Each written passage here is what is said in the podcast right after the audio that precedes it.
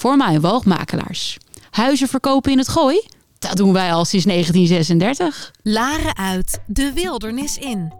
Wekelijks neemt safari-expert en geboren laarder Frank Ranzijn je mee in zijn wereld.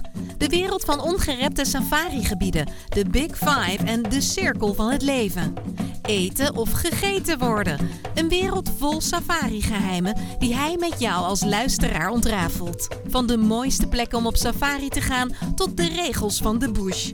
Samen met prominente gasten uit de natuur- en conservationwereld neemt Frank je mee, Laren uit, de wildernis in.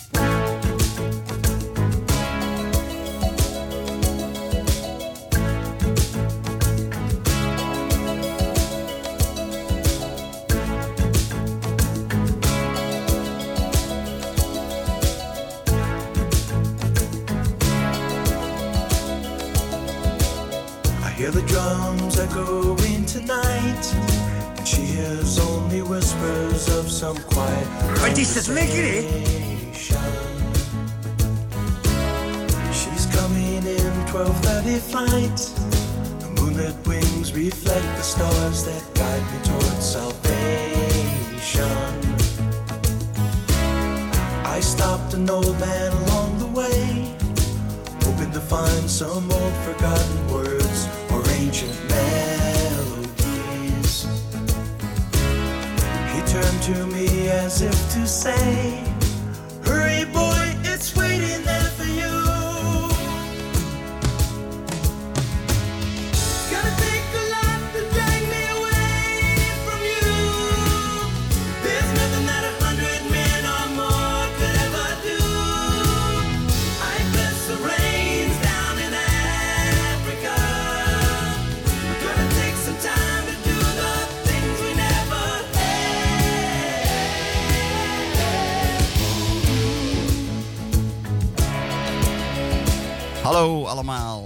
Aan diegenen die vandaag weer meeluisteren naar ons uurtje infotainment bij het programma Safari Geheimen.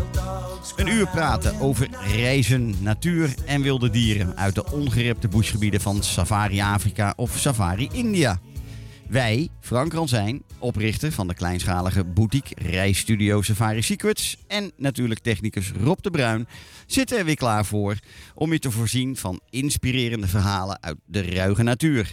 En natuurlijk hopen we de liefhebbers van natuur en wildlife op weg te helpen bij het maken van keuzes voor bijzondere safari-reizen, waarbij jij als reiziger een positieve impact achterlaat op die plekken waar je dan in jouw reis ook verblijft. Deze positieve manier van reizen moet natuurlijk gepaard gaan met ultiem genieten, verwend worden en je natuurlijk ook laten verwonderen door de pracht en praal uit de natuur. Steeds meer spelen de lokale bewoners in die gebieden een steeds grotere rol bij het bewaren en in stand houden van hun erfgoed. Zij zijn eigenlijk de enige echte schatbewaarders van het land waar wij te gast mogen zijn. Steeds meer worden deze grote stukken natuur in samenwerking met safari-operators en natuurbehoudsorganisaties bewaard voor toekomstige generaties. Dit zodat ook onze kinderen en of kleinkinderen hier over 20, 30 jaar ook nog van kunnen genieten. Tot zover alles luid en duidelijk lijkt me. We gaan het vandaag dan ook hier vanuit de radiostudio van Dorpsradio Laren hebben over dit soort nauwe samenwerkingen tussen een familiegerund safaribedrijf, de omringende lokale uh, communities, dorpen uh, en hun bewoners en de natuurbehoudsorganisaties die uh, binnen zo'n gebied uh, hun, hun inspanningen leveren om ook die natuur te behouden. Vandaag centraal in deze aflevering van Safari Geheimen een van de meest iconische en oudste safaribedrijven van Kenia, namelijk Kotters Safaris. Daar hebben we het wel eens eerder over gehad. Afgelopen december mocht ik hier alweer voor de derde keer in 25 jaar te gast zijn. En wederom werd ik niet teleurgesteld over de inspanningen die hier in het zuiden van de Masai Mara worden geleverd op het gebied van hoe maken we de natuur nou toch weer gezond en vooral ook toekomstbestendig. Kelvin Kotter is een vijfde generatie van de beroemde safari-familie Kotters. Kotter, zonder S moet ik zeggen, en eigenaar van Kotters 1920s Camp en Bushvilla. Ehm, en hij neemt ons mee op de levensreis hoe de Olde Cassie Private Conservancy, dat is dan weer de privéconcessie grenzend aan de Masamara, hè, dus onderdeel van de beroemde Masamara in Kenia, hoe dat een rolmodel te laten zijn voor anderen in de safari-industrie. Nu ruim een eeuw verder behoort Cottage Camp en Bushella nog steeds tot de top van safari-kampen, waarbij duurzaam toerisme op staat. De tientallen jaren samenwerking met de lokale communities is het succes achter het behoud van natuur en wildlife in dit immens mooie natuurreservaat van Kenia. Ik noem dat dan ook altijd conservation in comfort, oftewel hè, natuurbehoud in groot comfort als je in zijn kamp of bushvilla verblijft. Cottage Safaris is daarnaast ook nog eens lid van de zogenaamde Long Run. Wat is de long run dan? Nou, dan ga ik uh, proberen ook iets over te vertellen. Want we duiken vandaag de serieuze kant in van natuurbehoud. Um, binnen een zeer comfortabel slash luxe uh, safari-bedrijf. De Longrun is een ledenplatform van op natuur gebaseerde toerismebedrijven die zich inzetten voor een holistische duurzaamheid. Het platform is wereldwijd en groeit en groeit en groeit. Oftewel, is het bestaat nog helemaal niet zo lang. Uh, ik denk een jaar of zes, zeven, acht. En ieder lid die in dit platform uh, dus lid is, streeft ernaar om een gezonde en productieve planeet te behouden voor het nageslacht. Samen bestrijken en behouden de leden meer dan 23 miljoen hectare biodiversiteit en dragen zij inmiddels bij aan een verbeterde leefomstandigheid van ongeveer 750.000 mensen. Dat zijn grote getallen zoals je hoort. Men werkt binnen de longrun via het 4C-principe, ook al wel eens eerder genoemd. Die 4C staan voor Conservation, Community, Culture en Commerce. Dus, in het Nederlands, behoud van natuur, de lokale bevolking, de cultuur en de handel. De Long Run is een programma van Preferred by Nature. En Preferred by Nature is een hele grote internationale wereldwijde non-profit organisatie op het gebied van natuurbehoud. En ik citeer, zoals de Long Run zelf uh, uh, zichzelf graag neerzet. De Long Run gelooft in het principe dat wilde dieren thuis horen in het wild. Klinkt allemaal logisch. En dat dit de beste manier is om ervan te genieten. We richten ons op het ondersteunen van natuurprojecten, bedrijven en safaribedrijven tijdens hun duurzaamheidsreis. De bescherming, regeneratie en verbetering van ecosystemen en al het, en al het wild wat van die ecosystemen afhankelijk is, zijn de belangrijkste motivaties voor onze leden. We helpen onze leden dit te bereiken door een holistische benadering.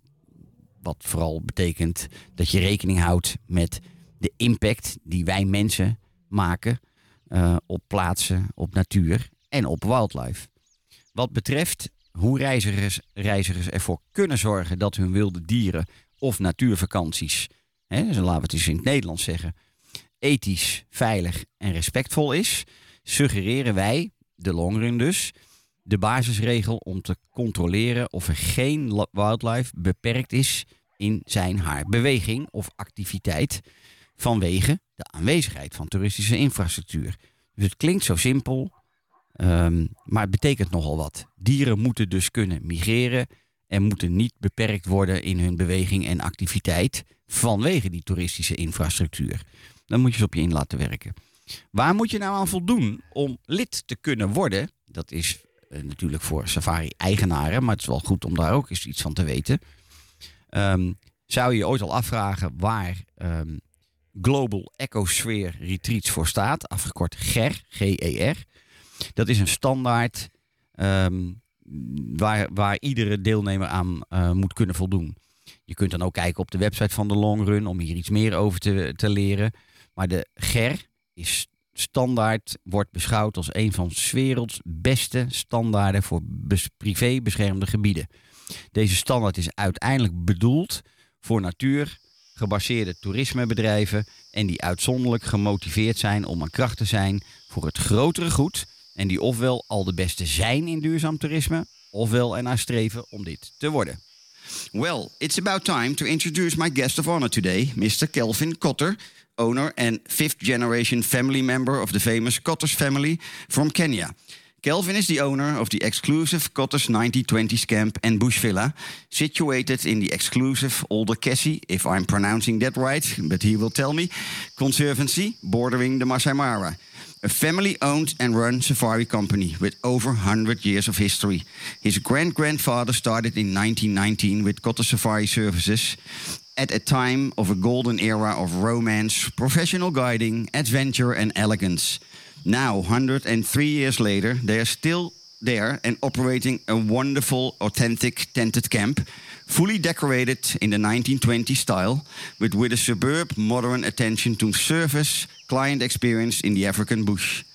And much later than that first tented camp, they built the very spacious bush villa for private families, an ultimate stay in raw nature. A very warm welcome, Kelvin, in this new episode of Safari Geheimen. That's the Dutch word of Safari Secrets. Can you hear us? Yes, I can hear you. Thank you very much, um, and uh, really appreciate being being asked to come on. I'm talking ah. from the Masai Mara right now. I know you are in the middle of the bush, um, and uh, great to have you here on the show, uh, Kelvin. Thanks for taking the time of uh, talking to us and telling telling us and the listeners of the radio show and the podcast listeners all about your company and uh, your safari uh, uh, operation, of course. First of all, um, it's what I said. You are one of those international safari heroes, to me at least after all those years in the safari industry myself. Uh, so I'm very honored that you are here live in the radio show. And we will talk today about the world of exclusive safari and conservation travel. And then, okay, now it's up to you. I will start talking less and less and less and we'll let you do the work. Kelvin, would you be so kind to tell us a bit about yourself, a bit about the background of Cottar's Safaris? And I know you are there already with the whole family for more than 100 years. Just lead us into it if you like to. Thank you. Yes, um, absolutely. So the family came from the US of A in 1909, and they came for adventure, uh, uh, wildlife, and wanderlust. So a very different story from the sort of settler uh, colonial agenda. Mm-hmm. Um, so they they went into the hunting, and originally the hunting story, mm-hmm. um, and that was just what everyone came for at the time. Yeah. Um, cameras were barely invented by then and then uh, very quickly went into the uh, photographic and filming safaris. They were some of the very first people to do photographic uh, or filming safaris uh, with the Royal British royal family. Um, uh, the the uh, George Eastman, the the inventor of Kodak, um, and amongst others. So so um, they were they were very advanced uh, uh, compared to their peers in the safari world. And we've always been in Kenya, but we have uh, done safaris all over Africa, mm-hmm. from Botswana, Congo, Tanzania, Uganda, uh, Sudan, um, and of course my my own experience has been mostly Kenya mm-hmm. and and Tanzania. Um, we I basically realized quite quickly that. Um, there's probably no better life in the world than right here. Um, living in, in, in the Pleistocene, living in, in a place where humans were designed to be, because our DNA all comes from here. And so, safari, what I realized was that a safari is something that all humans should experience, or just to be able to come back home and experience this uh, natural wonder that we live in. So, I'm very honored to be able to provide this to my guests today. Thank you, thank you. Wonderful. Um, am I? No, no. I'm not. I'm. I think I'm right. You started Cottar's 1920s camp in the mid 90s, correct? Yes, uh, yes, absolutely. Um, so, nine, uh, you know, the Cottars started the first tented camp in in Africa, as far as I know, in 1964. That was my father. Yeah. Uh, for photographic tourism. Yeah. And what what happened was um, the assumption was that you just build a camp and the wildlife is around you is that it'll stay there. Mm-hmm. And what we learned over time, we had to keep on moving because, in fact, the land around us was changing. Mm-hmm. The communities and the people were actually not part of this this safari world. They no. lived with the wildlife, but they, their agenda was was actually land use change and growing food. And you know, there's a there's a demographic and there's a hierarchy of needs. There's a whole story around that. Mm-hmm. So we realized that we had to keep on shifting and moving to a place that we could actually start working on on having the community basically part of the story with us as our partners, or rather, we're their partners in making their wildlife pay. Yeah. So this is why we started in in Kessie in in the mid 90s, and it was without a gender in mind. Yes. Okay, so it, it is Olderkesi, eh? You pronounce it. Yes. Yeah, yeah, yeah. Okay, cool. Um, yeah, we will talk about that uh, hopefully a lot more later on uh, in this interview because I know you are very much into the uh, partnership with the local communities and, and with conservation. So I hope that will be a major part of our interview today, that you will tell us all about it. Um, if when you started uh, the camp, um, uh, you just actually said it already. What makes you decide to open up this camp? But I think it is because what you just said about working together with the local communities to make them part of the whole operation. Also, was that your main objective? Yes, um, I think it was the understanding that the safari world was actually an, um, an inherited um, advantage by operators. Um, that you know, bottom line is that the money the money that is quite substantial can, that can be made was not necessarily getting to where it should get to. No. So our experiment here has been to start with a, a new a new uh, um, area that had never had money from wildlife, Mhm. still had wildlife, and was before they subdivided the land and had farms. So we had that opportunity to actually intervene, or rather to provide another idea to the community, and they have taken it on full board. And they're our partners, we're their partners in this incredible place and experiment. And all I can say is that, yes, it's a commercial company, it is a family business, but our partners are in the land in how we pay the funds uh, for, that are generated from conservation fees is to the community. So the short answer is yes. Um, let's let's talk a little bit uh, from a client point of view. If I ask you, I have three questions, a little bit on that side. If I ask you, what makes Cottar's Camp and Bush Villa different than other camps in the Mara? You probably will say right away this, this, and this. Um, I would say thank you. These are great questions. I would just say the staff, um, the the people here are extraordinary. My staff um, are, are, a different level, and it's not because they've got hotel training and do everything perfect. It's because they're warm and engaging, and they'll remember your name. We don't do name tags here. Everyone will know your name. You'll know their name because it's like being a family. Yeah. It's like the family feel, and um, that's that's one of the main things I can say. Okay. Um, the other thing would be the location is extraordinary. yeah, we're exactly. Let's talk about We- that location. Yeah, because I, I know it's just, mm, if I'm right, uh, as as I remember, it's the most southern southern tip of the Mara, eh? far away from everybody. You hardly have any neighbors around you, eh? Uh, we're as far away as possible, and uh, we're across the Sand River, so that blocks up a lot. Yep. And we're on the border of Tanzania in a place called Olderkesi. Yep. And uh, the, the Masai Mara National Reserve is one kilometer to the west of us, and then Serengeti is about three kilometers to the slightly to the more to the south of us. Um, and then behind us is this incredible area going up to the Nguruman Mountains, Mhm. the Naimina Enkiyio Forest, Forest of the Lost Child. Yeah. And so basically, we- we're in the epicenter. The most important part of this ecosystem is right here, right where the forested mountains join the big plains. Yeah, so we yeah, can yeah. go, I can walk 20 minutes behind me and see you know, colobus monkeys and Chanler's reedbuck. Um, all I can say is uh, you get the migration. You've got even when there's no migration, it's a beautiful, cool climate.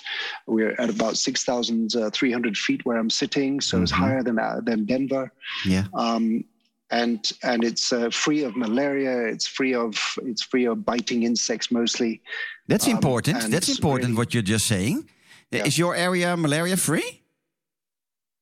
Uh, we are we are right here. It's very malaria. Uh, Anopheles mosquito is very um, altitude uh, sensitive.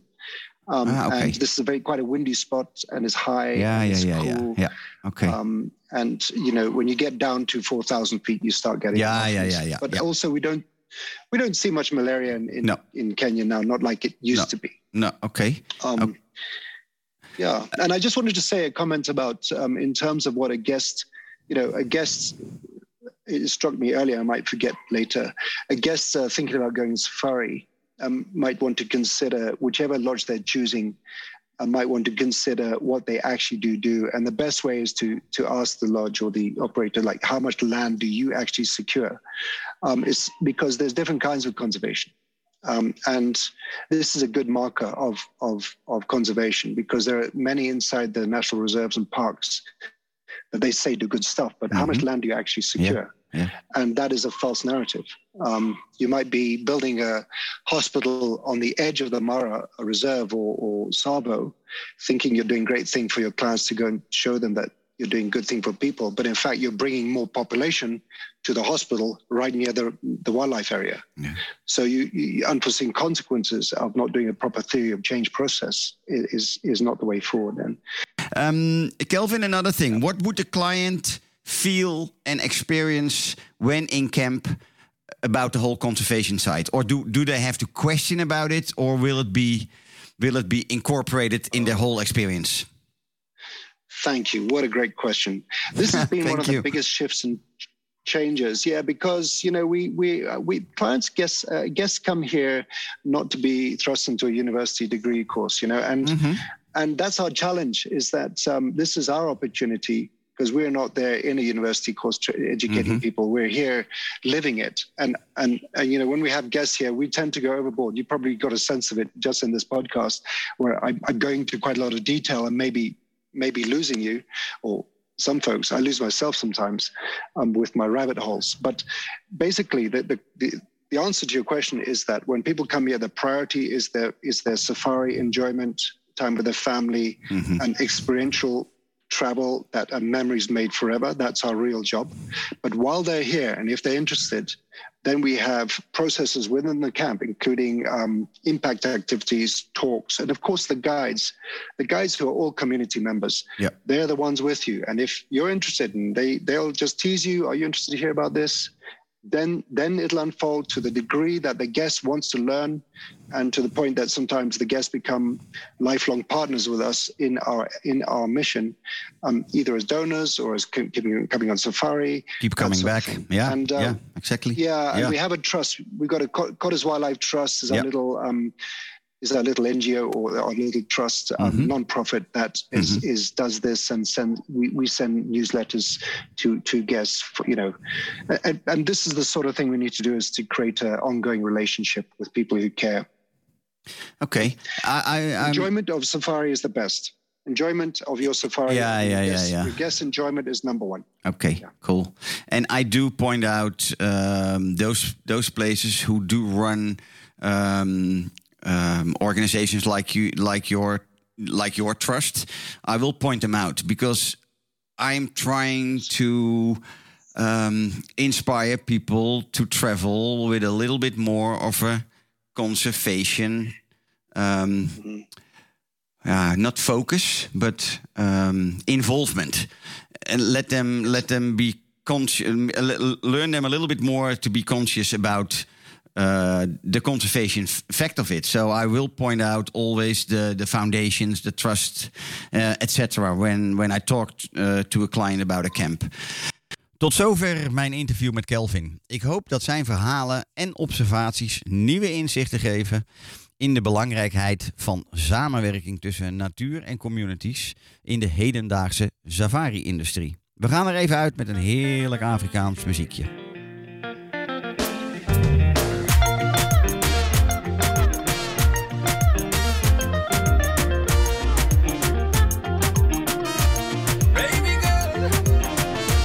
Moving in a feel of love, baby. Oh,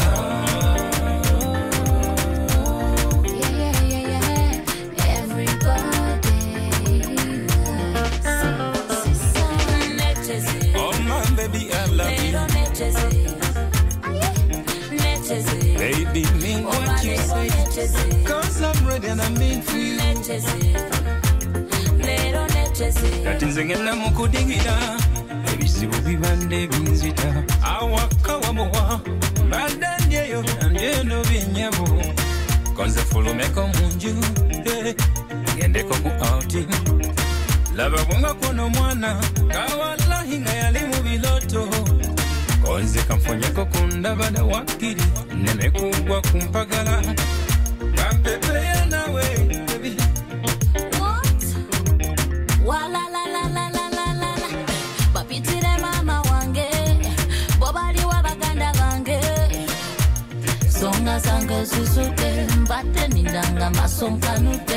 I love you. Miss you.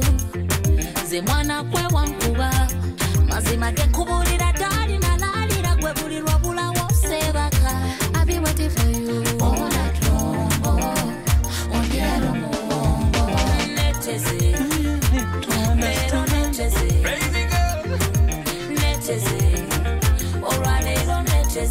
neteze kati yalowooza yeteze nga nange noŋŋamba kati nze ngenda mu kudigira ebizibu bibadde binzita kubanga mbadde sikulaba.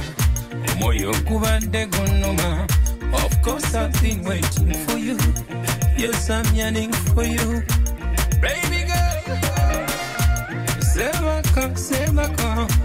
Sebaka nze mama basomera bingi bingi innocently bapimako gwe omulungi gwe tosanalaba omubeja gyabasayise kati nosazeewo ngenze ngenze. Ngenze nono mwana watali yadde yaye mwana gwolyose nojja oponyesa ebirowoozo nze buli lwengwawo You wanna hot chocolate, I'm gonna give you Goed, we gaan weer verder met onze deep dive gesprek.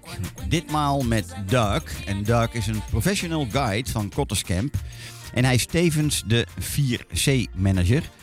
En dat 4C-principe waarover we het eerder vanmiddag al even hebben gehad. Conservation, culture, commu- community en commerce. En de samenhang hiervan in zijn werk in de Olde Cassie Conservancy. En ik interviewde Doug tijde- tijdens mijn bezoek in december afgelopen jaar. Good morning everybody. I'm sitting here in front of the uh, I'm sitting in the explorer stand of Cottar's 1920s camp in the Olderkesi Conservancy bordering the Masai Mara. And next to me is sitting Doug. Welcome Doug, good morning. Good morning, Frank. And Doug, can you please tell us what is your role within the Cottar's 1920s camp or in the Cottar's family? yes, um, so my role here is uh, 4C manager and uh, head of guiding. And this role uh, involves working with the community. Uh, so, first of all, 4C means conservation, community, culture, and commerce. So, in every aspect of the business, we have to incorporate those four C's. Uh, and that's my role here. I've been around here for the last uh, 18 years now. 18, okay. Uh, yes, and uh, I also train the local guides, which I have done, and we have one of or some of the best guides around uh, the country. I have experienced the last couple of days. But Doug, uh, when you're here for 18 years already, did you start out here as a guide? No, I started um, uh, before uh, in a place called Laikipia, Yeah. and I also after Laikipia I did another three years of across Africa. So I uh, guided uh, in places like South Africa, uh, in uh, places like Botswana, Namibia, uh, Tanzania, uh, and, and Kenya as You well. guided so I- everywhere. I have been very lucky. To And um, so are you a gold medal me- a medal guide? I was among the first lot to achieve uh, uh, uh, the gold status from the, The gold status. Yeah, yeah, Yes, yeah, yeah. yes. Cool. Um, Doug, just tell us a little bit about the the importance importance of the whole four C's um, you were just talking about. Can you can you explain a little bit more about that? How that is Yes. working? Yes, so uh, the four C's really is uh, a plan uh, to maintain and to keep the highest standards of sustainability, uh, but bearing in mind of th- those four C's I mentioned: conservation, community, culture, and commerce. So it's it's a holistic approach of those forces. C's. Uh, And so, what we do uh, every year is we set up uh, objectives um, of the four C's, uh, what we want to achieve, um, and we also set up a long-term five-year plan. So, the, the, the every year at the end of the year we would uh, sit down we would look at uh, our achievements, we would look at what we have failed to achieve, and we would look at why. Uh, and then we would uh, push those objectives to the next year. Uh, so conservation and what we're doing, you know, of course, cons- biological conservation is a global asset of, of incalculable value uh, to the present and to the future generations. And so there is a massive need to, conser- to, to conservation. And when you look at where we are, right on the border of Kenya and Serengeti, Yeah. uh, and when you look at how rich the biodiversity is here and how fragile the ecosystem is, there is need uh, to uh, involve every single uh, person, if you can, um, to, to conservation. Um, so, you know, we have a conservancy which is uh, called Olderkesi. It is uh, uh, leased from the Maasai people. And of course, you know, conservation c- cannot thrive if you do not have people. So, peop- you look after people and they will look after the, env- the environment. Yeah. Uh, so, so, so basically, uh, we have conservation and uh, we have community, which is, you know, the, our existing community here and the community outside. We, we have both of them. We look after both of them, uh, and you know, we, if you look around, you'll see we have about sixty percent uh, of our staff are from the local areas. Yeah. Um, you know, we we have uh, invested also heavily on uh, training. Um, you know, from the local people, Yeah. uh, and and so uh, and and before you agree uh, on a management plan, uh, which basically the people are involved right from the onset, so that they are part and parcel of uh, building that management plan. Uh, so all those things have been taken care of, Yeah. and, and that is what we do. Okay. Yeah. And when you're saying we every year we make new goals in in uh, about what we are going to try to achieve, the community is, is also involved, I think, in making those plans. Yes. Or is that just a management, Cottar's management um, So- thing? Yeah, so that is from a Cottar's 1920s camp perspective. Yeah. Yeah. So what we do is we work with Cottar's Conservation Wildlife Trust, and they are the ones who carry out the groundwork, which involves going out to the community and carrying out a community needs assessment. Yeah. And that community needs assessment uh, also helps us or guides us uh, in how we make those goals for the community. Okay. Yes. Uh, can you tell us how many people um, rely within the community on everything you will do here at Cottar's with the whole four C's? How many people rely on that? So the uh, conservancy itself has about six thousand members, Okay. uh, and of the six thousand members, you can um, expand into their families, and it will probably come to about twenty thousand. Twenty thousand. Yes, That's an awful lot, eh? it is an awful lot, But- and we target. So this this is only the first um, uh, uh, the first. Cons- the first bit of the conservancy already that we have achieved. Then we have the second and the third. Uh, this is the the vision, you know, and by the time we get to the third, we will impact probably nearly about fifty thousand people. So that that will tell me and the listeners the importance of the work you are doing. eh, with- With, that whole um, conservation ethos with the four C's. Um, community is really what you said. It's so important because without the community, there is probably there's no There is conservation. no conservation. Yes. Yeah, exactly. Can you um, just give us a little bit of examples in what you guys are doing within those four C's?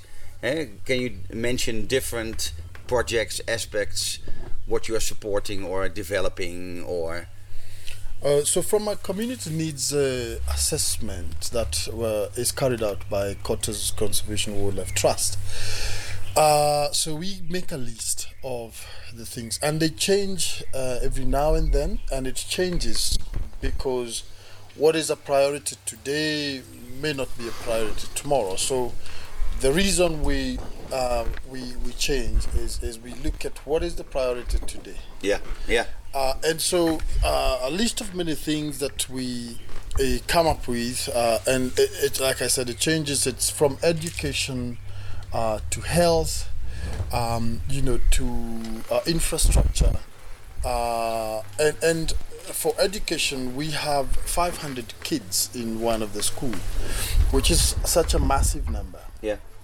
and it just tells you how uh, it has changed from before. They, we had the school that had 45 children, yeah, and it took a very long time for them to you come out and, and bring their kids to school. Now we have 500. Oi. So you know you have to think of the infrastructure. We had uh, before classrooms that we would have students uh, on half of the classroom facing one side, you know, and uh, children facing the other side. Uh, you know, two teachers. I don't know who you could listen to. In No, no, no. Uh, so you know, we list those things. We've been able to um, provide uh, classrooms. We've been able to provide, uh, you know, reading materials for the for the kids.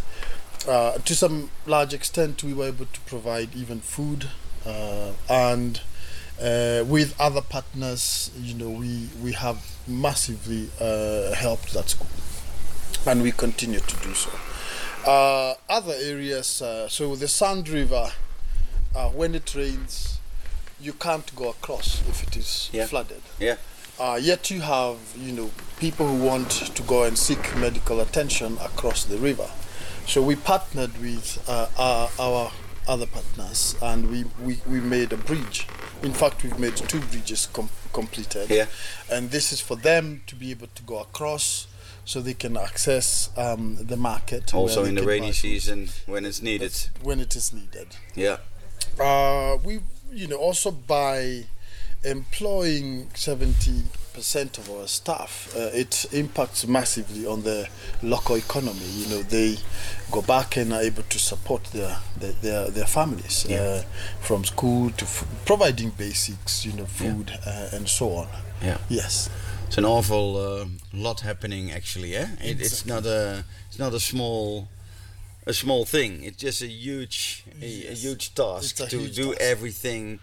Uh, to uplift their livelihood, of course, because that's, Absolutely. that's what it's all about. That's of what course. it's all about, Yeah, yes. yeah. Um, I like to uh, talk to you also a little bit about um, the whole guiding within the Cottars family. Um, Mm-hmm. You're head of guiding.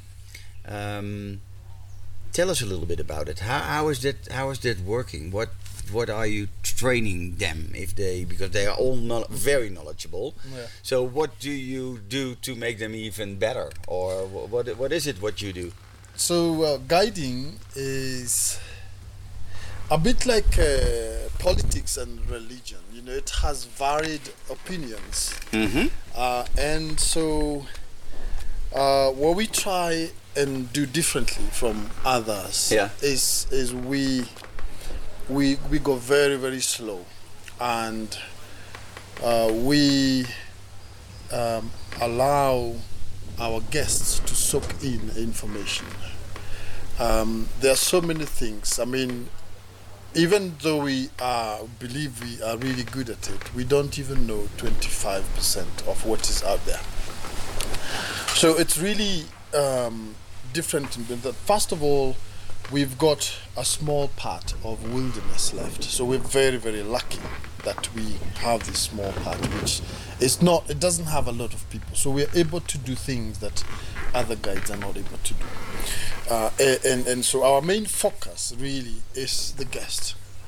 What do the guests need? And that is what we focus on. Uh, and nothing else, and it's it's really just the satisfaction of the guest that uh, you know that that we, we, we really are Yeah. after. So we train on. I mean, it's not just the taxonomy of, of, of, of everything. It's not. Uh, we we don't um, you know we don't want to be speaking. Uh, you know, in like a Greek dictionary, it's like we we, we didn't eat breakfast uh, English for breakfast and things like we we make it very simple that the guest can understand. Okay. And how many guides does Cottar's 1920s camp have? We have six guides. Uh, uh, that doesn't include Calvin, who will occasionally guide. Yeah. So we're seven in total. Okay. And then I am I right that you have three guides with the golden status? Uh, we have two, just myself and Calvin. We used to have Okay. three. Um, and we have uh, two silvers and we have uh, three bronze. Uh, we are aiming for uh, everyone silver by next year.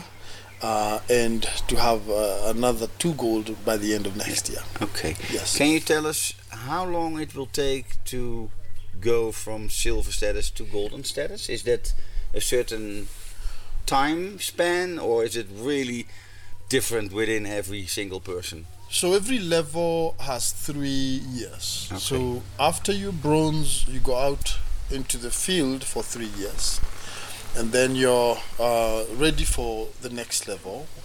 Uh, even after silver, you still do three years to go. It take And quite a while. It takes about nine years to ten years in total. Ah, but that's cool though. yes, and then you know when you are here as a guest and you are going out into the bush and into the wilderness, going out with those silver and gold status guides, you know they are very knowledgeable and you Yes. know that they have um, quite some years uh, behind the belt, eh? Yes, yes, Yeah, yes. And, yeah. and the, the very special thing about uh, about it is we we guide without animals. So it's it's being able to go out there and look at everything else and not animals. Assume the animals were not there. You'd still take people Yeah. out and they would still have fun. You still have to have an uh, interesting story to tell about, and there is so much more to tell There's- about there's than so only the more. animals, of course. Yes. Um, most of your guides, or maybe all of them, are Maasai, Uh, or from different sub-tribes. they are um, uh, Maasai, 95%. 95%. They're Maasai, Yeah, yes. yeah. That's also um, because they mostly wear the traditional clothing when guiding, Yes. and it's adding it's adding a certain atmosphere, feel Yes. to to it. That's at least my personal uh, perspective of that. Yes. But I think um, people love it when their People guide is traditionally uh, Dressed. uh, dressed. Yeah. Yes, and Yeah. it's also uh, on the third C, which is culture. We promote culture Yeah. and preserve culture. Yeah. So our guides, and we didn't uh, like ask them to wear like that. We we said, you know, can you continue just as you are, the way you live at home, Yeah. just dress yeah, like that, that's, and that's very nice to know. Yes. Yeah, it's not a pushed thing. No. Not at all. Not at all. it's all. up to them if they want to show their traditions Yes. and, and yeah and Exactly, lifestyle. exactly. Yeah, and I have um, um, I was lucky to witness a little bit more in the last two days of that, and also listen to the very nice talk last night with Letty Let. Is that Yes. the right way of saying it? yes, uh, one of those hunter gatherers from the old days who Yes. uh, who told his story of the old days was wonderful to uh, to listen to. Um, Doug, is there any anything else at the end you want to point out to me and the listeners what we should know about this place, this area, the work? Is there anything you say this is so important to know? I think I'd still emphasize on uh, conservation. Um, you know, as I said uh, before, uh, and what is you know conservation means the variability um, of living organisms in three levels. You know, one is um, the gene, genetic resources. yeah. Uh, the other one is the species, uh, the species level, and the third one is, um, you know, the habitat or the ecosystem. Uh, and you know, we, if we can all play our roles in ensuring that uh, conservation thrives, uh, and we have all seen what uh, impacts um, have come about as a result of climate change. Uh, and so I think that if we can all do and play our role, uh, we can continue to uh, not uh, make our species extinct, but we can help to uh, probably uh, improve our uh, our species survival yeah. and the species or all other species.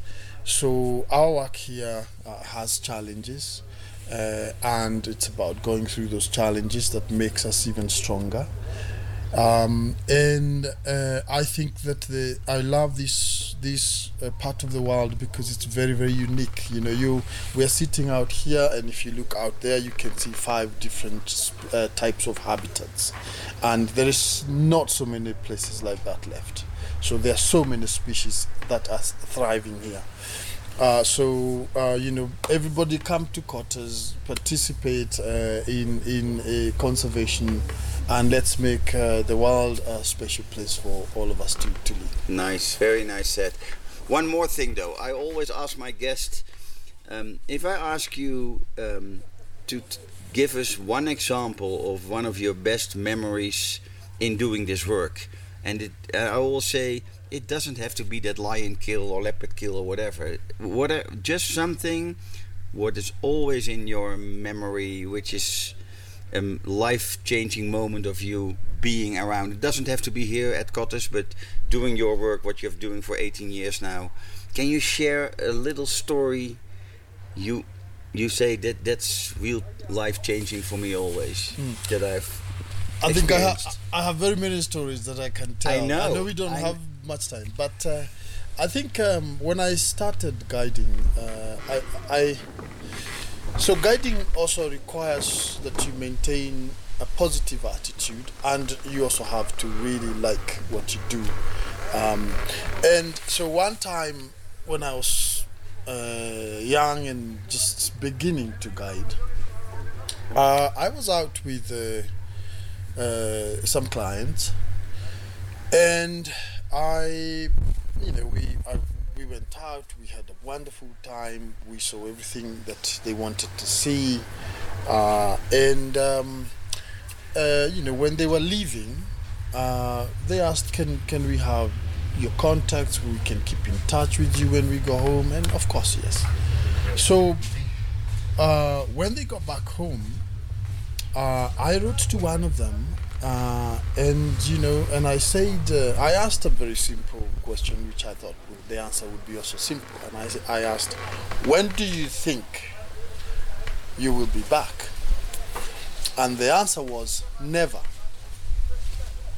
And I was baffled with that, and I, because I thought, you know, I had done a really good job, and I thought that they would really uh, come back as, as soon as they could.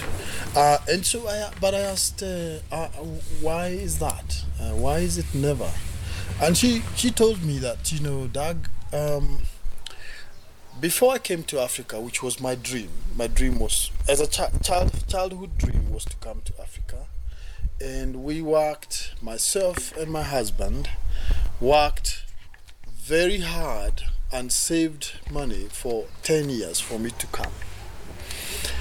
And uh, she said, I do not think uh, that we can do that. I already got my dream. Uh, I, came to Africa and I would not come back, unfortunately. I would love to come back. So it changed my perspective because I thought that every person who came on safari, uh, they were rich people. They could, uh, you know, they could come back again and again. So I learned that, you know, every guest who comes, they work very hard to come on safari, and so uh, we have to do the very best we can. Uh, and yes, they may come back or they may never come back. So that is uh, the, the, the, the, the lesson that I learned when I was very, very young. That changed my uh, perspective uh, of Wonderful. thinking that guests were always wealthy to come every time they wish to come. Yeah. Uh, so that that's my lesson when I was very young. That's one of the lessons I've learned. Thank very you. Yeah, thank you for sharing that. Doug, may I uh, thank you so much for taking the time to talk to me. Thank you so Um, much for wonderful to hear um, about all the, the, the good work you guys are doing here. Keep doing the good the good work, and we uh, will stay in touch and hope to send you Thank you many so people much. to this Really- wonderful place. Really appreciate. Thank you, Thank, thank you. Have a nice day. Thank you. You too. Goed, dit ehm, was vandaag een eh, uitzending vol conservation inspanningen, natuurbehoudsinspanningen. En eh, ja, we zijn een beetje dieper gegaan, maar dat vind ik soms ook gewoon belangrijk. ehm, om eh, de luisteraar en de eventuele reiziger van straks, later, wanneer jij een keer een safari-reis gaat maken, uh, ook hiermee bekend uh, te, te, maken. En natuurlijk je zo bewust mogelijk keuzes te laten maken, zo bewust mogelijk te laten reizen, uh, om uiteindelijk gezamenlijk met elkaar um, ja, ons Afrika en ons wildlife te creëren. Nou, dan ben ik een beetje bij de podcast die ik maak. En al deze afleveringen hier bij Dorpsradio worden gepubliceerd op het podcastkanaal Mijn Afrika, Mijn Wildlife. Maar dat is natuurlijk van ons allemaal en zou van ons allemaal moeten zijn. Um, dus dan heb ik het bruggetje weer gemaakt. Wil je nou meer weten over kotters en het, het safari-bedrijf Kotters en hun prachtige tented camp in 1920 stijl. Helemaal ingericht al, nou ja, al 30 jaar. Dat is het karakteristiek van Kotters 1920s camp. Dan hebben ze een ultramoderne, prachtige bushvilla waar je met je hele familie kunt verblijven met 10, 12 personen. Wil je daar meer over weten? Kijk dan ook eens op kotters.com. En dat is met C-O-T-T-A-R-S.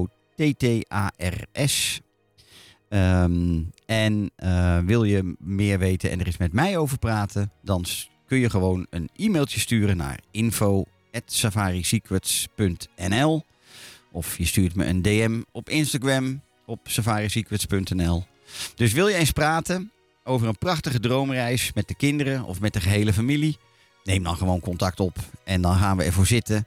Uh, en is het niet Kotters waar je naartoe gaat, omdat het misschien ook gewoon niet helemaal past in uh, de wensen en verwachtingen en budget. Dan zijn er tal van andere prachtige plekken die net zo opereren als dat zij dat al 103 jaar doen. Uh, dus dan hoor ik je heel graag en dan uh, gaan we sparren over een mooie once in a lifetime safari reis. Ik zeg voor iedereen een hele fijne dag verder gewenst. Volgende week zijn we er weer. Dan hebben we weer een buitenlandse gast in ons midden. Um, en dan praat ik jullie weer verder bij. Fijne avond.